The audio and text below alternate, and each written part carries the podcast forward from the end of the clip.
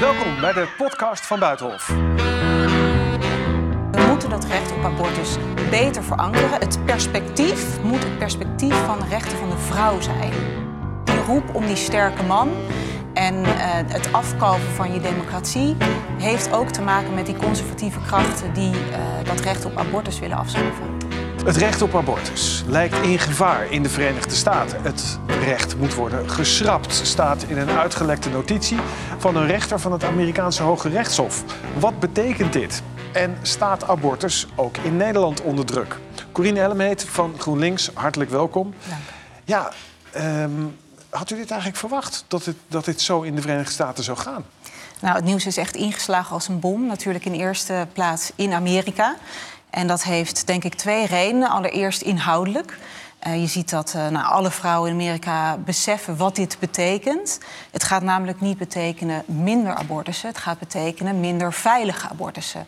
Want je gaat natuurlijk heel veel vrouwen houden die de wanhoop nabij zijn. En, en als ze geen. Ja, die de illegaliteit ingaan en zich van de trap storten of andere vreselijke manieren proberen te vinden om uh, hun ongewenste zwangerschap ja. te beëindigen. Maar een andere belangrijke schok die ook door het land gaat, is het feit dat het Hoge Rechtshof, het is een conceptvonnis, mm -hmm. um, maar met dat vonnis uh, laat zien dat een verworven recht teruggenomen wordt, ja. hen ontnomen wordt. En tegelijkertijd is het zo dat 69% van de Amerikanen, blijkt uit peilingen, voor het recht op abortus is. Kan het Hoge Rechtshof dat zomaar terzijde schuiven? Ja, dat is het erge. Dat kan. Zij hebben die bevoegdheid. Het was natuurlijk een, een vonnis, een eerdere uitspraak van het Hoge Rechtshof Roe versus Wade.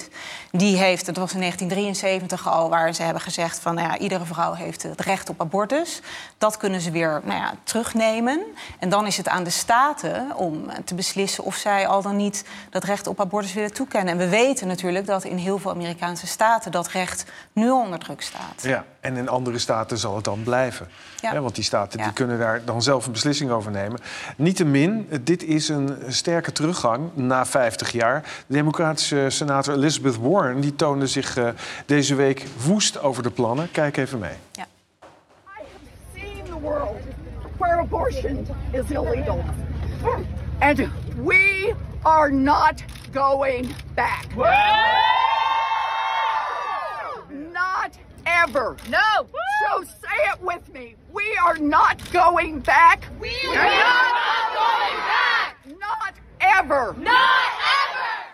Ja, voelt u dezelfde woede?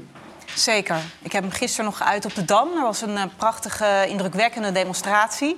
Door jonge vrouwen in korte tijd opgezet. En ik heb ook dit woord gebruikt, woede. En ik zie ook bij Elizabeth Warren hoe nou ja, diep gevoeld het is. Zeker. Het zijn natuurlijk ook vrouwen die nog hebben meegemaakt de tijd dat abortus illegaal was. Uh, dus ik, ik, voel met haar mee. En tegelijkertijd moet mij ook van het hart uh, dat je ziet dat er heel veel, nou ja, toch wel kritiek is op de de Democraten. Uh, die zo lang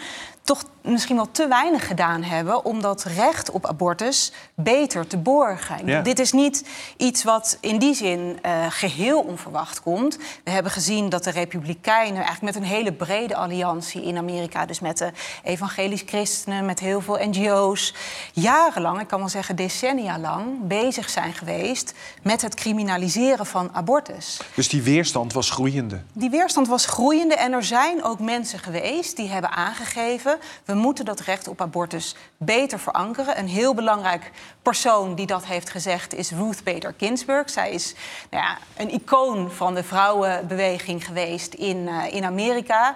En zij heeft al bij haar aantreden tot het Hoge Rechtshof, daar heeft ze zelf ook jarenlang gezeten, ja. heeft ze gewaarschuwd, heeft ze gezegd we moeten het goed verankeren. Ze heeft het later weer gedaan. En een van haar belangrijkste punten van kritiek was: ja, we moeten gewoon aparte wetgeving hebben. En ze zei. Uh, het perspectief moet het perspectief van de rechten van de vrouw zijn. En als je kijkt naar die uitspraak, hè, Roe versus Wade, dan zie je dat het eigenlijk gaat over de relatie tussen de arts en de vrouw. En dan gaat het eigenlijk bijna meer over die arts die dan wel of niet iets mag doen. En, en dat zij... vond zij principieel fout. Ja. Ik wil graag even naar Nederland. Want kijk eens naar, naar ons eigen land. Zou zoiets, het terugdraaien van het recht op abortus, ook hier kunnen gebeuren? Naar uw idee? Nou, laat ik beginnen met te zeggen dat uh, Amerika echt een ander land is dan Nederland. Wij hebben geen hoge rechtshof met zeer politiek gekozen rechters. Uh, dus dat ligt bij ons anders. Maar ik neem ook die waarschuwing van Ruth Bader Ginsburg heel serieus. En als je kijkt naar hoe wij de situatie rond abortusrecht in Nederland hebben georganiseerd, mm -hmm. dan zie je dat bij ons het ook nog steeds uh, verankerd is in het wetboek van strafrecht. Abortus staat nog steeds in het wetboek van strafrecht. Ja. En gisteren ook bij de, de demonstratie zei u dat moet daaruit. Dat moet daaruit. Want je ziet precies hetzelfde probleem als in Amerika. Dat het vertrekpunt van dat recht op abortus is of een arts wel of niet iets mag doen. En dat het strafbaar is als je niet aan bepaalde criteria voldoet. Terwijl ik vind dat het vertrekpunt van het recht op abortus moet het recht van vrouwen zijn om te kiezen ja. voor die zorg.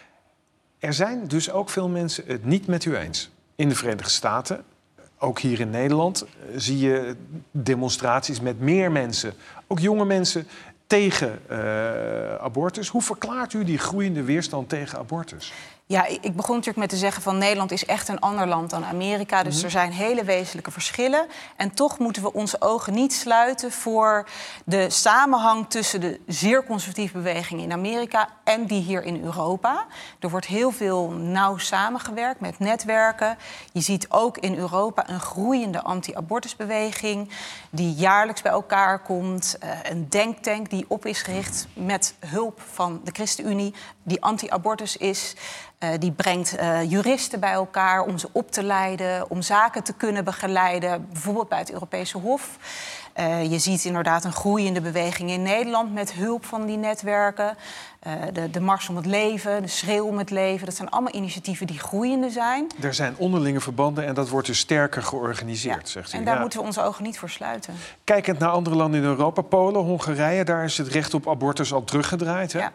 Um, we hadden het eerder in deze uitzending ook over ja, uh, de aantrekkelijkheid van het conservatisme. De roep om de sterke man die uh, in diverse landen toch zo duidelijk aan de, aan de oppervlakte komt.